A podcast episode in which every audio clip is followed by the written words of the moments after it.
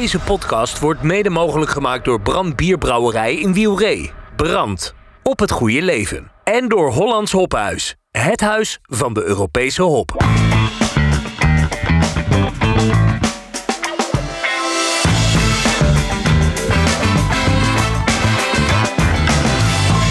Welcome to the Brewpod. Inderdaad, welkom bij Bierradio Brewpod, de podcast talkshow van bierradio.nl. Dit is een maandelijkse podcast, steeds vanuit een andere brouwerij in Nederland of België. Vandaag zijn we te gast bij die schitterende brouwerij Wilderen in Wilderen, vlakbij Sint-Truiden. Met als hoofdgast brouwer-eigenaar Mike Jansen. Welkom. En onze tweede gast is influencer Frank Stouten, bierredacteur en auteur en nog veel meer. Daar gaan we hem over eh, aan de tand voelen. Mijn naam is Fedor Vogel, uitgever, hoofdredacteur van Biermagazine, Brouwmagazine en Bierradio.nl.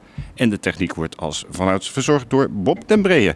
Voordat we onze gast gaan interviewen, beginnen we eerst met het laatste biernieuws. Bierradio.nl Biernieuws. Vanaf de redactie van Biermagazine.nl Nou, daar gaat hij. Wat vonden jullie het meest opvallende biernieuws van eh, de laatste week? Of laatste weken? Kom aan, Frank. jij- Ja, jij nee, ik wil net zeggen, Mike, het is jouw beurt, hè?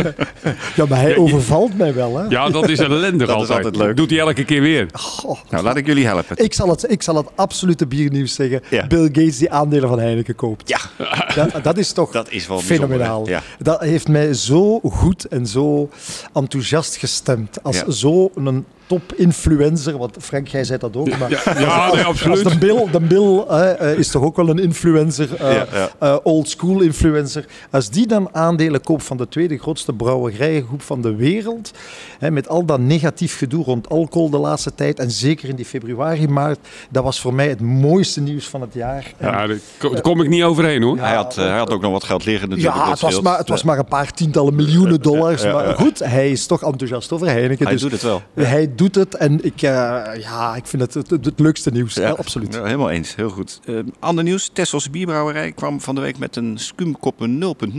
Het eerste alcoholvrije bier van de Tesselse. Ja, dat heb ik gelezen op de site. Ja. En wat vinden we daarvan? Goed, ik vind dat, een, ik vind dat een hele goede ontwikkeling. Ik, Ja, ik- ik denk dat je, dat je, als je jezelf au serieus neemt als, als brouwer, je niet meer om die, die rage van alcoholvrij drinken, of rage, ja, het is, het is eigenlijk gewoon een tendens. En het- Maatschappelijke en het is groeiend en, en Nederland is ooit heel enthousiast daarmee begonnen, dan is dat weer weggezakt. Ik Hm. herinner mij echt jaren geleden, misschien zelfs twintig jaar geleden, en dat er een aantal eh, grote spelers waren. Maar nu krijg je natuurlijk ook in België de, de speciaalbieren, gelijk de, de Brugse Zot van de halve maan, noem maar op. Dat zijn een aantal echt mooie alcoholvrije bieren. Ja. En, en ja, wij, wij kijken daar uiteraard ook naar. Wij zijn daarmee bezig, achter Mm. de schermen. En ah, er zijn een aantal mogelijkheden. Of dan nu, hè, je weet dat wij ook distilleren. Zelfs Ja. hetzelfde verhaal met gin en, enzovoort. Wij, je kunt gewoon niet anders. Dus eh, je moet daarin meegaan. Ja, Ja, ja. Maar het zal eh, in mijn ogen nooit eh, de tientallen procenten worden. Mm. Gelukkig, eh, ik denk dat mensen toch wel, eh, zeker in België, heel Bourgondisch blijven Ja, drinken. ja, ja, nou dat hoop ik ook. Dat is natuurlijk alleen maar eh, fijn. nou ja, als je ziet hoe, het- hoe het stijgt, eh, de omzet 0.0, dat is toch gigantisch. En ook de grote brouwers, ze stappen er allemaal in. Ja, ja. Dat doen ze, Ja, niet, maar- doen, doen ze niet zomaar. Het is een maatschappelijke ontwikkeling natuurlijk. Ja. Ik vind dat juist wat je zegt, Frank, maar ik ben altijd met dat soort uitspraken van pers, van het is gigantisch. Als je van 1% naar 2% gaat, hè, dan is dat gigantisch, gelijk dat ze dat dan ook zo mooi zeggen. Maar het blijft Maar het blijft dan een marginaal eh, deel, Ja. hè, dat zeer stijgende is. Maar ehm, ja, we, we wachten wel af. Het zal groeiende zijn, daar ben ik het zeker mee eens. Maar om nou te zeggen dat eh, heel de jeugd en, en, en eh, de dertigers, de veertigers, eh, onze leeftijd, Fedor, vijftigers, of, die, eh, of die allemaal gaan zeggen, we gaan nu alleen nog maar eh, sapjes en, en, en alcoholvrije dranken drinken, daar ben ik niet van overtuigd. Nee, ik denk, nee, nee. Maar ik Dat- denk niet dat wij de grootste klanten worden. dat denk ik ook niet. daar ben ik heel zeker van. Ja. Ander nieuws eh, begin deze week eh, van Lindemans. Eh, die komen met twee nieuwe bieren. Die hadden ze natuurlijk al een tijdje geleden aangekondigd met een nieuwe eh, Satellite Brewing brouwerij die ze in, eh, in de buurt van Brussel hebben neergezet. Twee bieren, Tarot heet, gaat het heten. Eh, bieren van gemengde gisting met Ja. fruit. Mooie ontwikkeling denk ik. Ja. Heel origineel, Ja. nieuw, tof. Eh, zij zijn absoluut eh, marktleider in België op gebied van fruitbieren, trendsetters altijd geweest. Er zijn er nog een aantal mooie daar niet van.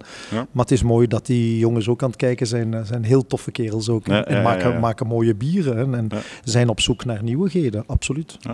Mooie ontwikkeling. We gaan eh, binnenkort eens proeven, kijken wat, wat voor moois dat is. Ja. is dat, zie je dat trouwens ook een beetje als een nieuwe trend? Want een brouwerij Omer van der Ginst heeft ook iets gedaan met een, eh, een trippel met, met, met eh, wilde gisten Wilde erbij. gist, halve maan ook een tijdje Halve maan heeft dat geleden. Ja, gedaan inderdaad. natuurlijk. En, eh, Ja, wij, wij zijn niet... Je hebt in België een aantal echt van die craft brewers. Hè, Hmm. Maar dat zijn dan een paar tientallen. Hè, terwijl in Nederland zijn dat er een paar honderdtallen. Ja, Hè, dus ja. dat is toch een heel groot verschil tussen onze twee landen. Uh, wij zijn voorzichtiger daarin. Ik denk niet dat wij morgen ehm, uh, Imperial Stouts met frambozensap en, en, een stukje chocolade gaan maken. Nee, uh, nee daar, daar, zie ik, daar zie ik de gemiddelde brouwer in België nog niet, niet aan te beginnen. Nee, nee. Maar het is wel mooi dat ook de, de middelgrote brouwerijen, gelijk dat je Lindemans, Omer, uh, noem maar op, dat zijn dan de 100.000 hectoliter brouwerijen mm. en, en, tot en met Huigen, die zijn dan aan het experimenteren. Maar Ja. die gaan niet helemaal de echt gekke tour op. Ja. Nee, maar goed, die blends van, van zeg maar zware blonde of trippelachtige bieren met ja, inderdaad Ja. die gemengde gisting, eh, dat, dat, dat zie je wel steeds vaker Ja, gebeuren. Als er één brouwerij eigenlijk gemengde gisting zou moeten doen, zou dat wel wildere moeten zijn. Hè? Wilder. Ja. Ik bedoel, Ja. hè, Ik heb hier ooit eens een Amerikaanse journaliste gehad, die begon mijn, mijn schuur hier te knuffelen. Hè? Ja, die schuur ja, ja. staat hier van 1690 Ja. en die dacht dat Christopher Columbus dat nog gebouwd had. Hè? Ik bedoel, dus eh, die wildere, ja, ze kunnen Ja. dat zo mooi zeggen, die Amerikanen. Dus als het over wilde gist, ja. Ik heb ten andere nog een aantal oude gistkuipen staan Ja, van het zou nog kunnen. 1890. Ja, ja, ja. Hè, als we die terug zouden gebruiken, dan heb je een unieke wilde gist. Ja, Dus ja, ja, ja. Er spelen zoveel ideeën in, in Roniek. eh, het is vooral Roniek die dan de creatieve geest is. En. Roland, Roland, onze hoofdbrouwmeester, moet het dan uitvoeren. En ik moet het dan middels team verkopen. Ja, ja, Dus-. Maar, Maar er zijn nog wel van die plannen, ja. leuk. Ja. Ook opvallend nieuws, een beetje aan, eh, aan de Nederlandse kant. eh Mijnt Waterlander wordt de opvolger van Lucie Wigboldes, die vertrokken is bij de Nederlandse Brouwers. Goed. Jullie kennen hem niet? Nee, nee. Nee. nee. Hij was al eh, marketing-communicatie-manager en schuift nu door naar, eh, naar de directiefunctie. Ja. Fijn. Heel spectaculair nieuws. Ja. Tot slot, eh, wat wij ook opvallend nieuws vonden, en we zijn er ook al geweest met de redactie van Biermagazine. Eh, vorige week komt in ons komende magazine een nieuwe microbrouwerij op bij de abdij van Maretsu. Oké, hebben we ook, ook gehoord, gelezen. eh, Duvel. Hij zit daar ook mee tussen. De Eh, zit daarachter. Duvel-Moordgat. Ja, ja. Uh, was te verwachten. Grimbergen heeft dat dan ook gedaan Ja. voor, voor Heineken Alkemaas. Hè. Op een gegeven moment hebben die in Grimbergen eindelijk na tientallen jaren hebben die dan toch ook maar een, een microbrouwerij neergepoot. ja. Haverboden. Uh, Huiven, heeft dat gedaan in ja. Averboden en ook in, uh, allee, ja, in, Gent dat is in eh, Sint-Idesbald. Sint-Idesbald ook. Ja. Dus dat is wel een trend. Maar ik vind het soms raar dat van die grote spelers, hè, laat ons zeggen top 20 brouwerijen, opeens allemaal microbrouwerijtjes beginnen neer te zetten. Hè, wij zijn ook een kleine speler, niet echt een microbrouwerij, maar een top 50 brouwerij, laat ons zeggen. Ja. En dan, uh, ik kan me niet voorstellen dat wij nu nog de onweerstaanbare drang zouden hebben om nog drie, vier kleine brouwerijtjes van 5 of 10 hectoliter bij te plaatsen. En Ja. dat is toch wel een tendens die je voelt, dat de grote spelers van die koek ook nog willen mee gaan Ja, genieten. ja, ja, ja. En dat, Ja. Dat is wel een, een, meer een Belgisch gegeven dan dat ik denk dat de Heineken en, en die nemen dan eerder over. Hè, of Ja. Swinkels, de Swinkels Ja, maar- Family doen ook mooie dingen. Ja. Maar goed, ehm, ja. Het, zijn, het zijn hier natuurlijk de abdijen. En die hebben we in Nederland een stuk minder. Ja, ook dat. Eh. Dus ja, kijk maar, al die microbrouwerijen zitten allemaal in, in, eh, in abdijen of Ja. gewezen abdijen. Daar was ik dan in 1994 met Terdolen toch wel een voorloper. Dat was je echt een ja, ja, voorloper, ja, ja, Ja, ja, absoluut. En, en, Daar komen we straks op, Mike. Ja, Daar ga ik je ja. nog uitgebreid Maar ik heb over nog een mooi ondervragen. nieuwsje. Ja, Oh, we hebben, ja, we hebben voor eh 20 jaar multibier. Hè, eh, Patrick, eh, eergisteren was hij 20-jarig bestaan. Hebben we met Pohala in, in, in, in ehm, Estland eh, hè, hebben we een eh collab brew gemaakt ehm, van hun Imperial Stout, hun top ehm, eh, eh, merk en brand. Ehm, gemaakt, eh, gebrouwen met toch eh, meer rogge. Een stukje wat dat wij met Canunic doen. mhm. En dat bier is nu aan het rijpen op Wild Weasel whiskyvaten van ons. Die we gewassen en gespoeld hebben met eau de bière van Triple Canunic. En dat wordt dan afgevuld ehm, voor het effectieve grote 20-jarig bestaan van Multibier. Wat en leuk. Patrick Smits die kreeg dat eergisteren te horen op het zijn eerste feest. Dat was volledig in het geheim. Brouwers van ons naar daar gevlogen, naar Tallinn. Zij zijn hier geweest, leuke filmpjes opgenomen. Eh, Patrick kreeg zowaar spontane eh, gevoelens. Ja, die, die, die, eh, echt heel emotioneel. Oh, mooi. Dus er zijn twee grote favoriete brouwerijen die samen voor zijn 20-jarig bestaan als grootste importeur van Nederland toch, denk ik, eh, een heel speciaal bier aan het brouwen zijn. En dat komt dan in het najaar op de markt. Dus eh, dat gaat een mooi, mooi flesje worden. Dat is mooi nieuws. Mooi Ja. nieuws. Leuk, Nou, goed leuk. dat we dat nog even gehad hebben. Dit was het laatste biernieuws. Kijk ook op bierradio.nl voor het laatste biernieuws. Ja, en nu hoorden we natuurlijk al eh, eh, geruime tijd aan het woord eh, bij ons laatste biernieuws. Maar nu gaan we echt naar het interview met onze hoofdgast. En dat is eh, Mike Jansen van Brouwerij Wilderen. Maar hij heeft natuurlijk veel en veel meer gedaan in de bierwereld. En ja, daar gaan we hem aan, over ondervragen. Allereerst, Mike, wat hebben wij hier voor prachters in ons glas? Leg jij dat eens even toe, want we hebben vier verschillende glazen. Ja, ik vond dat jullie toch de... Onze, ja, de Wildere Goud is eigenlijk de, de allereerste die we gemaakt hebben. Een gewone 6,2. Een pils van hoge gisting is het niet, maar het is een... eh, ja, gerst, heel eerlijk, recht toe, recht aan. In een iconisch glas noemen de meeste mensen dat ondertussen. Maar dat is eh, een ketel die in de oude distilleerderij van 1890 staat. Hebben we duizend keer verkleind en dat is dit glas. Ja, ja, ja, maar daar ja, krijg je straks nog wel fotootjes van te zien. Allee, wandel eens binnen. Dan heb jij de Triple Canunic, een vier granen bier. Ons meest verkochte bier, zowel in vaten als in eh, flesjes. Ehm, ja, ja, mooi gekruid. eh. Prachtig bier. ja, dat is eigenlijk onze, onze topper. En dan heel goed lopend voor het ogenblik is eh, Betty Ford. Is een bier dat alleen in fusten van eh, 20 liter bestaat. Is een amberkleurig speciaal Belge. eh, 5,2 eh, een doordringbier, 25 centiliter glazen. Betty Ford is natuurlijk een knipoog naar de Betty Ford Foundation, eh, Mhm. waar dat we ook eh even mee in discussie zijn geweest, omdat het een afkikkliniek is. Hè, en die het niet zo leuk vonden dat er in België een brouwer was. Maar we hebben ook beloofd dat we de volgende Betty Ford edition zal een 0.0 zijn, als er een nieuwe versie ooit van komt. Dus we gaan ze nooit zwaarder maken dan dat ze is. En Nee, nee, Betty nee, Ford. nee, nee, precies. En dan heeft de, de, de Bob heeft ook nog een, een Clarisse Rouge, onze eh, cuvée Clarisse, waar we ooit eh eh, beste donkerbier wereldwijd mee gewonnen hebben, waar we heel Ja. trots op zijn. Met dan uiteraard eh, een, een kersenlikeur erbij die het een, een 8% maakt. Ja. Maar goed, ehm, dat zijn vier, vier eh, inderdaad. Laten we daar in ieder geval even op Ja, dat proosten vind aan ik het dan begin van de uitzending. Gezondheid. Cheers, cheers mannen. Cheers. Mike, eh, je zit al heel je leven in het bier. Ehm, Zowat, ja. Na je studie begon je bij brouwerij Riva en je maakte eh, het Dentegums witbier groot. Hoe ben je daar in die beginperiode verzeld geraakt? Ik weet dat is een hele lange geschiedenis. Probeer het enigszins kort te houden, Ja, maar toch wel even. Hoe het gekomen? hoe lang duurt die podcast? Drie uur? Nee? Hij, hij kan in principe een hele dag duren, Ja, maar normaal gesproken een uurtje. Nee, nee, maar goed. Nee. Eh, Ik was wel echt heel benieuwd om, eh, om, om in de bierwereld te gaan. En ehm, ik had een brief geschreven naar, eh, naar Gouden Carolus in Mechelen en brouwerij De S in Schalkhoven, hier in Limburg. Dat waren zo twee kleinere brouwerijen. Of er mogelijkheid was om bij hun te komen werken of te participeren. En die kende ik dan van mijn studententijd in Leuven. Want ik had in alle cafés die in Leuven bier verkochten, heb ik toch zo wat gewerkt, bij wijze van spreken. Mhm. En, en, en daar kwam dan wel van, Charles kwam toen, het was nog niet Charles, het was meneer Van Bredam, toen nog kwam een, een, een antwoord. De Nes ook, ben ik dan gaan bezoeken. Maar toen kwam de, de oom van mijn toenmalige echtgenote, en dat was dan Ivan de Splinter, die zei, als jij zo graag in de bierwereld wilt, wij hebben een mooie pilsbrouwerij in Dentergem, Riva Pils. Hm.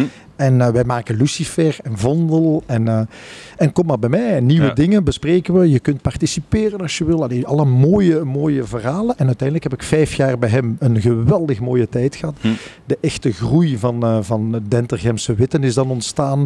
Wij hebben dan in helemaal het begin eh Straffe Hendrik overgenomen. De, de, de merken, de gebouwen zijn altijd van de familie Van Este gebleven. Ja, ja. Dan hebben we Liefmans 100% overgenomen. Ehm Carolus toen voor 50%. Dus Hm. dat was wel grappig dat Charles opeens eh, in, in Dentergem mee op bureau zat. Ja, ja. En dan heeft Yvan ook nog eh, 50% geparticipeerd in ehm, Ch- Blanche de Chambly, een wit bier. Dat dan later, ehm, goh, dan ben ik met Olaf Blankaert dan nog Mhm. naar Canada vertrokken. Met, eh, met Gino, noem maar allemaal op, met een heel team. Om dan, André Dion was dat in die tijd, om uh, vanuit Massawipi naar uh, Chambly te verhuizen, een oud kartonfabriek om te bouwen naar een brouwerij. En dat is echt een mooi verhaal. Beurs genoteerd ondertussen, Slieman, weet ik veel wat allemaal. Dus op die vijf jaar heeft Yvan mij en echt met dank en, en die en anderen. En uh, hun dochter Aniek was toen nog niet uh, in de picture, die, zou, die studeerde toen nog.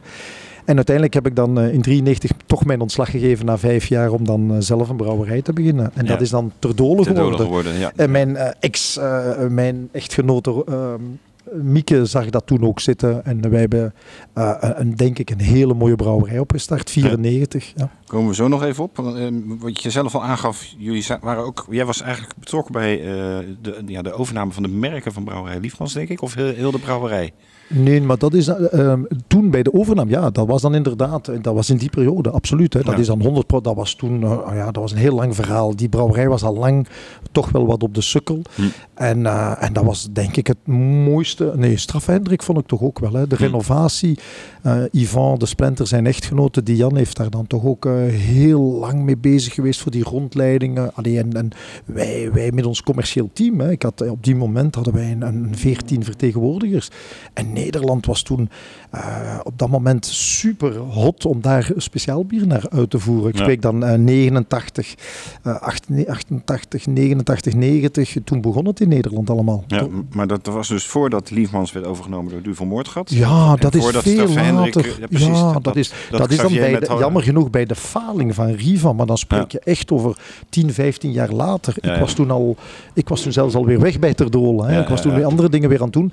Maar toen is dat inderdaad jammer genoeg failliet gegaan. Riva is Ja. ondertussen ook helemaal ontmanteld. Hm. En Duvel Moordgat heeft dan die faling gekocht. En eh, hun paradepaardje van die faling is dan Liefmans geworden. Waar ze ook alle moeite voor gedaan hebben om daar terug een heel mooi merk en een bezoekerssite van te maken. En, uh, en Olaf uh, zit daar nog altijd, Mm, Olaf klopt. Blankaart. Ja. De- en zijn de mama, zoon van, eh, eh, van- de zoon van Rosa, van, Van Rosa Rosa, Blankaart. ja, ja, ja, ja, ja. En, en eh, dat is dus ook nog ver voor de tijd dat Xavier Brouwerij de Halve Maan weer nieuw leven heeft. Ja, want inderdaad, uh, gelukkig had Ivan ook, dus een heel lang verhaal van uh, geen vernieuwing van uurcontract en zo, maar Xavier was zo hevig en, en zijn mama, alleen de hele familie ook, om Ja. dat dan toch terug in handen te nemen.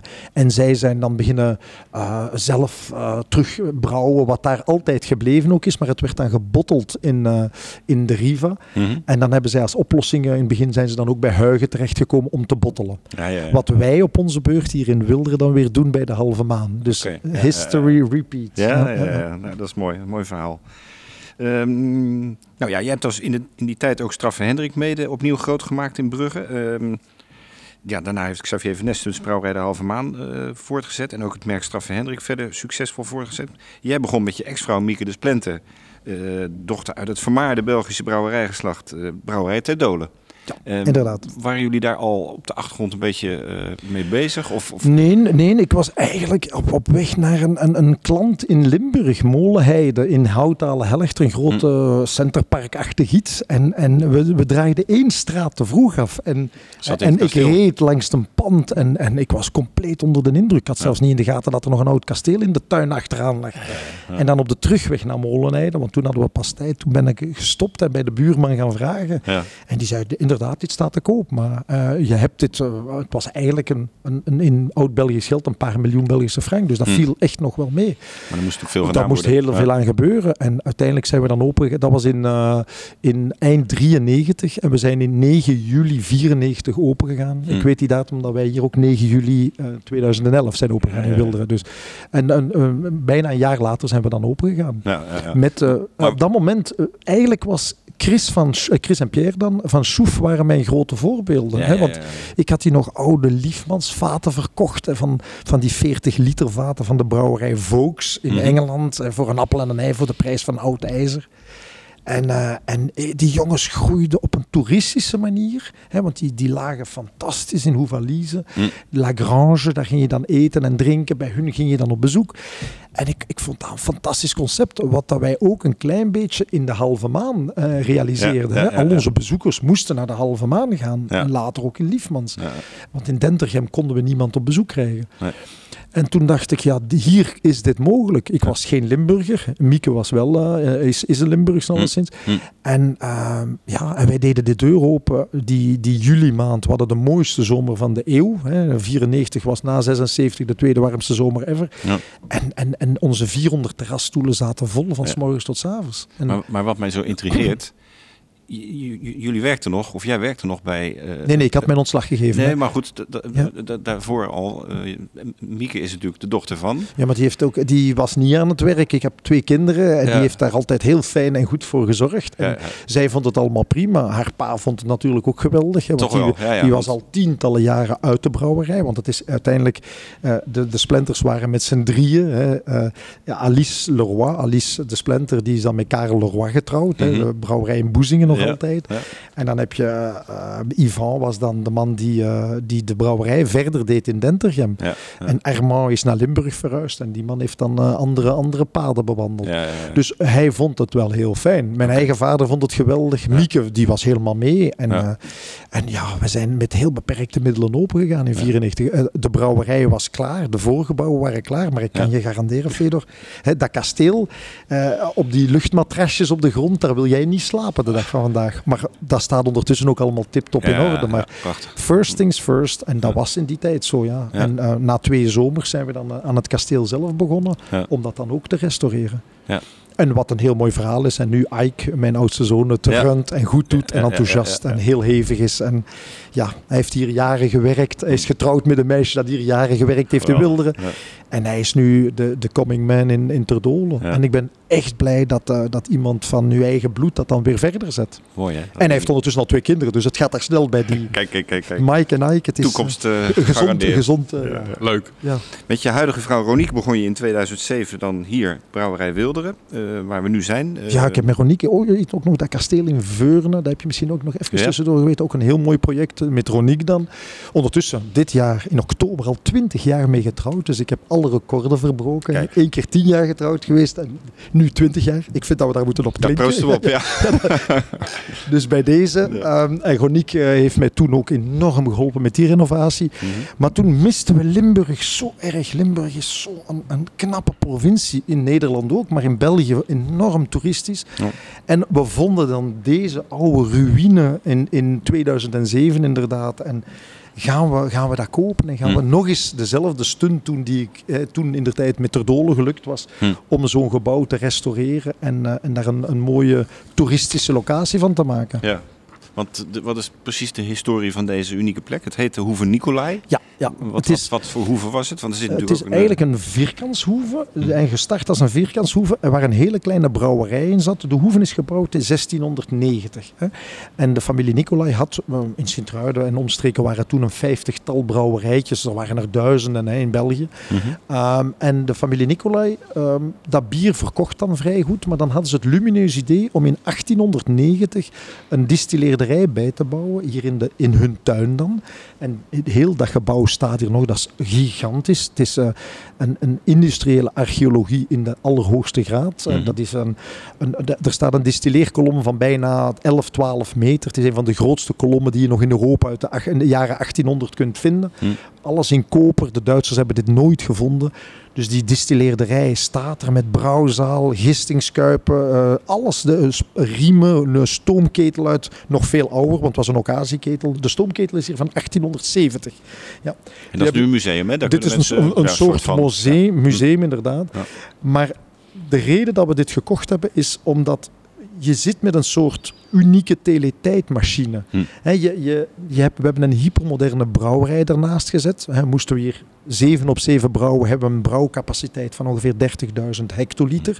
Wat toch al een behoorlijke brouwerij is. Ja, ja. Theoretisch, hè, daar moeten we nog heel wat gistingstanks bij zetten. Ja. Maar dan hebben we daar een nieuwe distilleerderij, distilleerderij bij gezet, Hm. een stokerij. Wat 13 jaar, 14 jaar geleden toch vrij uniek was. Hè. Ja, eh, eh, Charles was denk ik toen al eh, bezig inderdaad, Ja. want daar was een distilleerderij van Van Bredam. Charles is, we komen uit dezelfde school bij de Splinter. Dus, Ja. Hè, maar er waren niet zoveel. Er zijn altijd nog maar in België een twintigtal distilleerderijen. Hè. Ik denk dat dat een tendens is dat meer brouwers dat op termijn zullen doen. Hm. En dan hebben we ehm, de, de oude schuur waar we nu zitten, wat inderdaad ook een deel 1690, 1743 is. Ehm, Ja, die hebben we dan ook maar gerestaureerd. Dus Ja. we wonen hier. We hebben hier een horecabedrijf met alles bij elkaar een 800 zitplaatsen, binnen Ja. en buiten samen. En dan een, een brouwerij, een distilleerderij. En nogmaals, als je als bezoeker komt en je doet de rondleiding, ja dan, ik noem het professor Barabbas. En je, Ja, komt binnen en je ziet allemaal hypermoderne, eh, roestvrij stalen dingen, t- 2011. Ja. En je wordt teruggecatapulteerd tijdens de rondleiding naar 1890. Ja. En daarna kom je pinten pakken natuurlijk, hè, in, onze, Ja, ja, in, ja, ons, ja. in ons caféke. Ja. Hoort erbij. Je noemt het ook al, eh, de, de distillerij. Eh, waarom ben je begonnen met distilleren zelf? Gewoon om, om die link te leggen naar die geschiedenis? Of op had je toch al die uitdaging, plannen? Feder. Ja, je, je weet, je, je zit dan, er loopt eh, bier, je bent met bier bezig, je, je houdt van het vak van brouwer, je hebt, daar, je hebt daar zoveel passie voor. Maar dan staat er hier een distilleerderij, want vroeger werd er meer gedistilleerd dan gebrouwen. Hè. Dus Mm. Eh, de familie Nicolai was, was meer bezig met distilleren. En dan denk je, ja, daar moeten wij toch ook kunnen. En op eh, die mooie beurzen in Nuremberg en München zie je altijd die standen met die mooie distilleerkolommen in koper enzovoort. En dan begin je daar prijs voor te vragen. En dan denk je, ja, waarom niet? Ja. En dan, dan zijn we eigenlijk maar met twee dingen begonnen. Dat was whisky stoken vanaf dag één. En dan eau de bière, onze Hm. triple canunic, die we uitstoken tot, Hm. een, tot een soort bierbrandewijn. Hè? Bierdistillaat naar Duitse normen eigenlijk. Hè? Mhm. En ja, dat, dat stoken, dat maakt het toch ook wel tof. Ja, eh, en dan waren we de eerste gin in België opeens. Ja, en, dat maakt het helemaal crazy. hè. W gin. Ja. Ja. Nou, dat is inderdaad een mooi bruggetje naar mijn volgende vraag. Want jullie hebben naast natuurlijk een prachtig concept hier neergezet, ook een aantal hele sterke merken ontwikkeld. Kijk Ja. naar de bieren, dan hebben we het natuurlijk inderdaad over Triple Canunic en, en eh, Wildere Goud. Maar inderdaad ook die W Gin, eh, de Wild Weasel Single Malt Whisky. Het zijn eigenlijk vier hele sterke merken. En nu er nog Omerta bij. Hè. De Ja. eerste rum in België. Ja. Eigenlijk is het een rumlikeur, want we mogen wettelijk niet zeggen dat we een rum zijn. Hm. Het is een mengeling van een Jamaicaanse rum met onze spirit en dat geeft Mhm. dan iets, iets, iets heel bijzonders. Maar inderdaad, W Gin werd tien jaar geleden een beetje op, hoe zeg je dat, hoongelach hè, van eh, ja, een gin in België. Maar toen pikte Sergio Herman, eh, de fameuze sterrenchef, dat op als eh, zijn favoriete gin. En in de Jane schonk hij nog altijd één gin. Als je daar gaat eten, krijg je Ja. nog altijd de W-gin voorgeschoteld. Ja, ja. En eh, Sergio is, eh, noem het mijn brand ambassador geworden. Ehm, ik vind het echt, dat heeft mij enorm geholpen. Maar wij we doen vele tienduizenden flessen gin per jaar. En we zijn daar heel fanatiek mee bezig. We hebben ook ondertussen de Ocus gin gelanceerd. Ehm, wat, eh, wat we maken voor Lost Frequencies, de, de fameuze DJ die Mhm. toch eh, wereldwijd de, de man voor het ogenblik is. Dus die spirits, je blijft bier, bier, bier. Ons team is ook, eh, ons team van brouwers is ook vooral met bier bezig. Maar ja, de whisky, gelijk dat je zegt Wild Weasel, je bent daar trots op. Eh, Ja. Dit jaar gewonnen, eh, World Whisky Award. Ja. Eh, W Gin winnen we ook echt alle prijzen die er maar zijn. Dit jaar beste classic gin met Lost Frequency, met de Ocus Gin. Ja. Ja, het is een combinatie geworden. Ons, ons bedrijf is eigenlijk drie, drie poten. Hè. Uiteraard dat horecabedrijf, eh, 800 stoelen, dat is al een heel bedrijf geworden. En zomers altijd vol. Ja, full house, full house. Het record hier was op paasmaandag, afgelopen paasmaandag, dus al een, bijna een jaar geleden, Mhm. hadden we 3400 mensen op één dag binnen en buiten. Jongen. Ja, dan, dan heb je heel veel. We hebben een 130, 140 studenten niet samen aan het werk, maar een pool waar, dat Ja. we, waar we uitvissen om die allemaal aan het werk te kunnen zetten. En, Ja. ja. maar dus, eh, en dan heb je brouwerij en distilleerderij. Maar de oudste liefde is, eh, is eh, bierbrouwen. Ja. En dat is natuurlijk, ja, gelijk nu dat verhaal met, met, die, met onze vrienden van Tallinn. Hm. eh, om dan zo'n collab brew te doen. Nooit gedaan in mijn leven. Ja, dat is ja, ja. fantastisch. Hè, dat, je, dat je nieuwe dingen kunt experimenteren. Ja. Nou ken ik jou een beetje inmiddels. Eh, jij bent echt de man van het product. En eh, nou, je kan het ook wel aardig verkopen eh, met dat, met, met dat praatje van je. Dat lukt best goed. Maar, Dat is omdat ik, maar jouw vrouw- Mijn moeder was een Nederlandse. hè. Ja, Daar zal- ja, ja. Daar zal het toch wel iets mee te maken hebben. Ik heb een, ik heb een Hollandse mama. Hè, dus, eh, maar, maar, ja, ik weet het. Maar jouw vrouw Roniek eh, is denk ik de, de, de sterke kracht als het gaat om design, marketing. Ja, en die, heeft denk ik mede bijgedragen aan, die, aan het Ja. bouwen van die merken. ja, ja, ja, absoluut. Ik, ik zit maar, ik, ik, ik maar eh, Hm. uiteraard ook het team hier. hè, want, want ik heb zo'n straffe, straffe productiemensen, eh, salesmensen ook, eh, mensen op bureau, noem maar allemaal op, Hm. magazijn. Maar Ronique is inderdaad, de, zij is natuurlijk ultra creatief. Zij is een meester in de beeldende kunst, heet dat. Zij Hm. mag lesgeven op de, de grootste kunstscholen van eh, België, maar dat doet ze uiteraard Ze is hier fulltime bezig met, met merken te bedenken, te creëren. Um, met een graficus maakt zij gewoon de mooiste dingen. Ja, en ja. ja, wij doen echt aan brandbuilding. Ik, ik vind dat een keer leuk om te zeggen. Wij, wij doen twee private labels. Dat is één koffielikeur en één biogin. Mhm. Hè? En dat is dan in de, in de distilleerderij. Maar qua bier doen wij nul private label. Wij krijgen honderden aanvragen. Iedereen laat zich daartoe verleiden. Hm. Uh, wij gebruiken andere brouwers om voor ons dingen te maken. Of, of, of gelijk uh, onze kriek uh, die, brouwen we niet zelf. Dat staat ook in mijn menuboekje. Dat staat zelfs op mijn bierviltjes. Het is dan ons recept. Maar Omergent bij Van der Ginsten. Die kunnen dat goed. Die kunnen dat veel Ja. beter dan wij qua Ja. spontane gisting. Wij Ja. doen dat niet. Um, de halve maan werk ik fantastisch mee samen met tankwagens, met lageren, met filteren, met afvullen.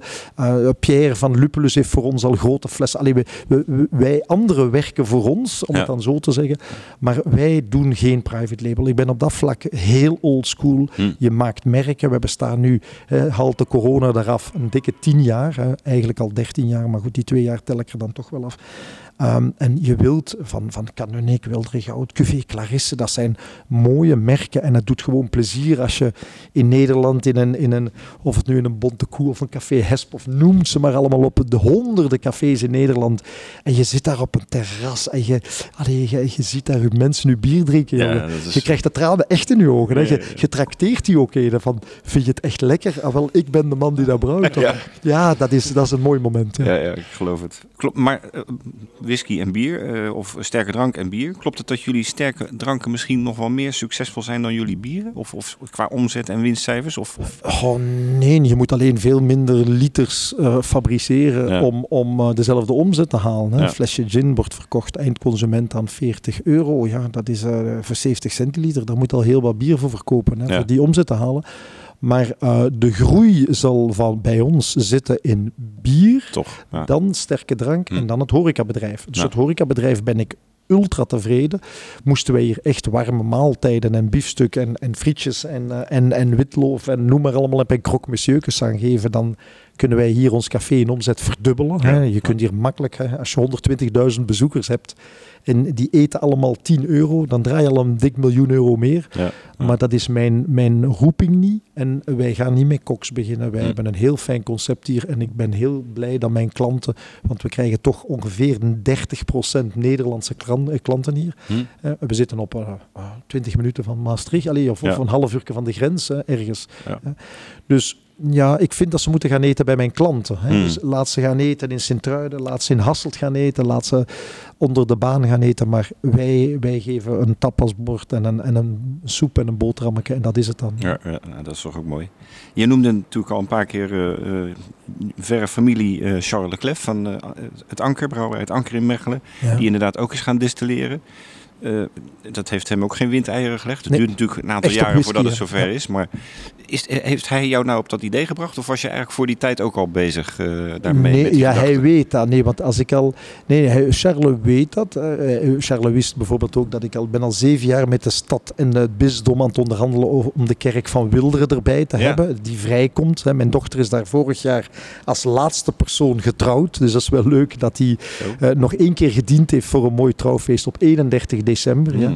Hmm. Dus eh, ze weet ook wel de datum eruit te pikken dat de Kate hier vrij is om een trouwfeest. Want wij doen geen trouwfeesten, voor alle duidelijkheid. Nee, nee. Maar mijn enige dochter die hier wou trouwen, dat kon dus. Die is nog in de kerk getrouwd. Maar Charles weet dat ik met die kerk eh, zijn plannen had. Al Hm. weet hij al 7, 8, 9 jaar. En hij heeft er nu ook weer een kerk bijgenomen. Nog een klein brouwerijke bij. Ja. Ja, heel mooi, knap. En, en Charles, ik ken hem van in Leuven. Dat is, Charles en, en Xavier bijvoorbeeld, dat zijn mannen, Omergent ook. Daar ga je voor door een vuur. Dus ja. die mogen van mij morgen, of die nu gin of whisky of rum gaan. Op dat vlak zijn de Belgische brouwers heel. eh, we denken wel altijd, iedereen pikt hectoliters van Hmm. iedereen, maar er is toch een, een vriendschap, dat zie je ook elk jaar op de grote markt in Brussel, waar, waar dan die, die 50 of 100 brouwers samen staan en, en heel familie. familiair Ja. en vriendschappelijk met elkaar omgaan. Ja. Dus Charles, Charles, zijn focus ligt echt op whisky, heel erg. Ehm, terwijl wij hebben hier alles, wij doen per jaar maximum 3000 flessen whisky. Hm. Hij doet misschien het tienvoudige, ik weet het niet. Maar wij doen het tienvoudige in gin dan weer. Ja, dus, ja, ja. ja, dus dat is dan, eh, ja. En, en Omerta, onze rum, doet het ook. eh, zeer. Hm. Weet je wat de Omerta betekent? bloedwraak of zo? De zwijgplicht. Of zwijgplicht, ja. Het zat in de maffia. Ja, ja, in de maffiasfeer, ja. ja, ja. Dus dat is Roniek allemaal. Roniek komt met namen, met logo's, met... Ja, eh, Fedor, als ze mij zei dat ze gin wou. Ik zei, maar schattige gin, dat, dat, zoiets maak je in, in, in Engeland. Wat Ja. gaan wij nu gin doen? Wij hebben Genever hier. Ja. En ze heeft dan toch doorgedreven. We zijn beginnen experimenteren met 21 kruiden. Roland, mijn, dat is mijn brouwmeester in Terdolen al vanaf dag 1. Roland, je, je hebt hem net gezien. Ja. Ja. die loopt hier al ook alweer 13 jaar rond. Die begint dan van zijn Genever een gin te maken. En we winnen daar elke prijs mee in de wereld die daarmee te winnen valt met die W. Ja. Ja, dan... eh, Dat is ja, mooi. dat is mooi. Daar, daar doe je het voor.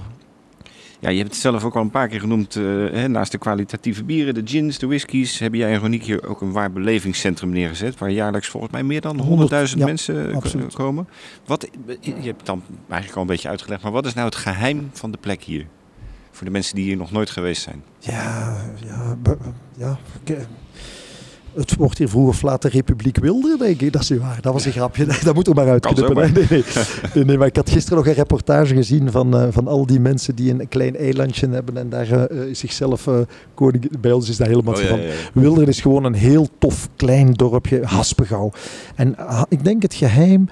Eh, wij zijn de tweede grootste fruitstreek in, in Europa. Hè. Na eh, Zuid, wat is het? Zuid-Oostenrijk, Noord-Italië. Daar heb je de grootste. Dan heb je Haspengouw. En Hm.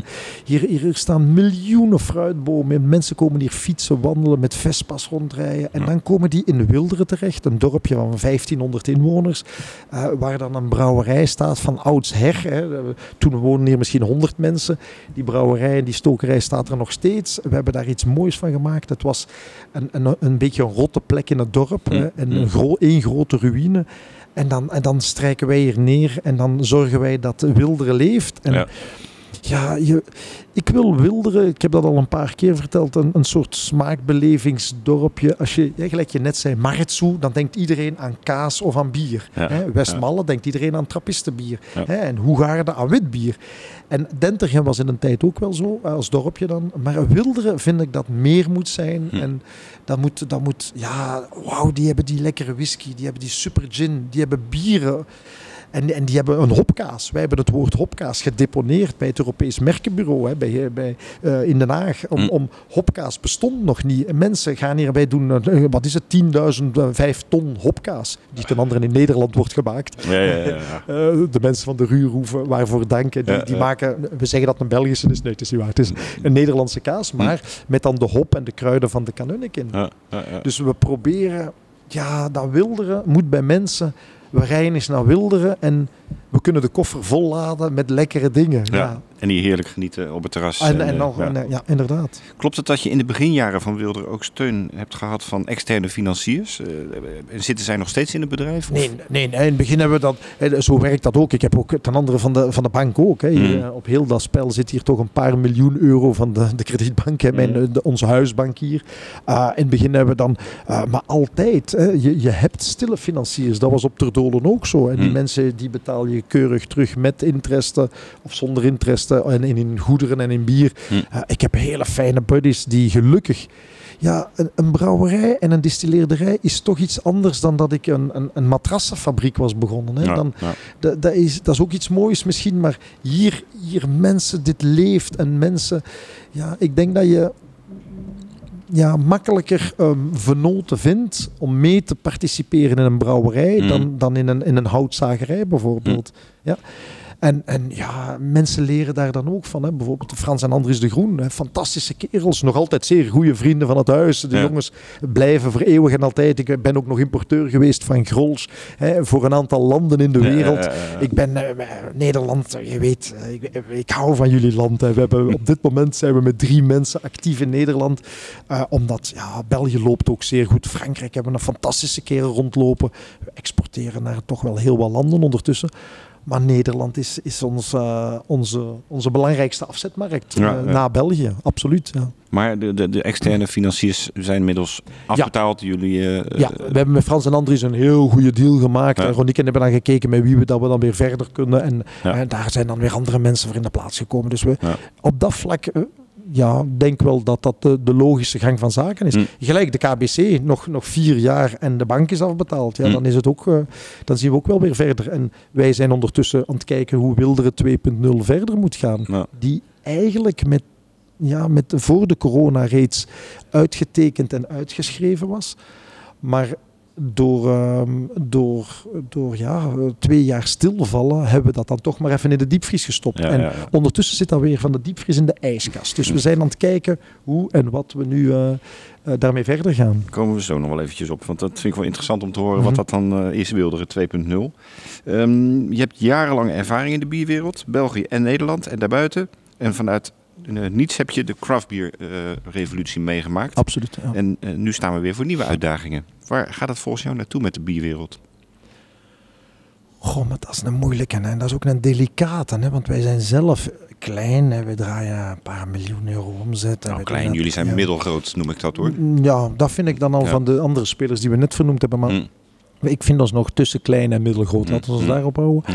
Maar eh, ik, ik vraag mij toch af, wij, wij zijn nog nooit rendabel geweest. Wij bestaan 10, 12, 13 jaar. Wij hebben een, een zo'n dik café. We hebben mooie bier, we hebben mooie spirits. Eh, wij zijn allemaal cijfermensen. Wij doen in, wij, natuurlijk, wij investeren elke euro. Wij maken televisiereclame. Wij, wij, eh, ja, je kunt zeggen, we gaan voor winst en voor dividend. Ofwel ga je voor eh, elke euro en te veel in, in, in je merken steken. Ja, hè. Dus, ja. En ik tel altijd een beetje fout, want we slagen er elk jaar in om toch weer een paar honderdduizend euro verlies te draaien. Dus we zullen dat wel ooit eens gaan omswitchen. De 23 is dan het jaar van de waarheid dit jaar. Hè, we gaan voor de eerste keer voor een break-even. Dus eh, ik ben eens heel benieuwd. Maar ja, je, je wilt je merken zien groeien, Fedor. Ik ben net 60 jaar geworden en je, ik, ik weet dat ik nog wel een paar jaar mee kan. Maar als, als fabrikant, als brouwer, als bedenker, en Roniek is 50, hè, dus die is nog 10 jaar langer. Dus Hm.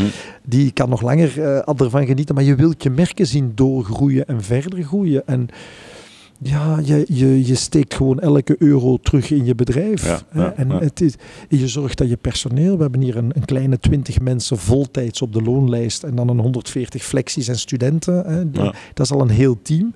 Die, die mensen moeten elke maand hun salaris hebben. Die hebben mooie wagens, die hebben mooie dit, die hebben mooie dat. En die, die zorgen dat ik mijn dromen kan realiseren. Ja, mooi. ja.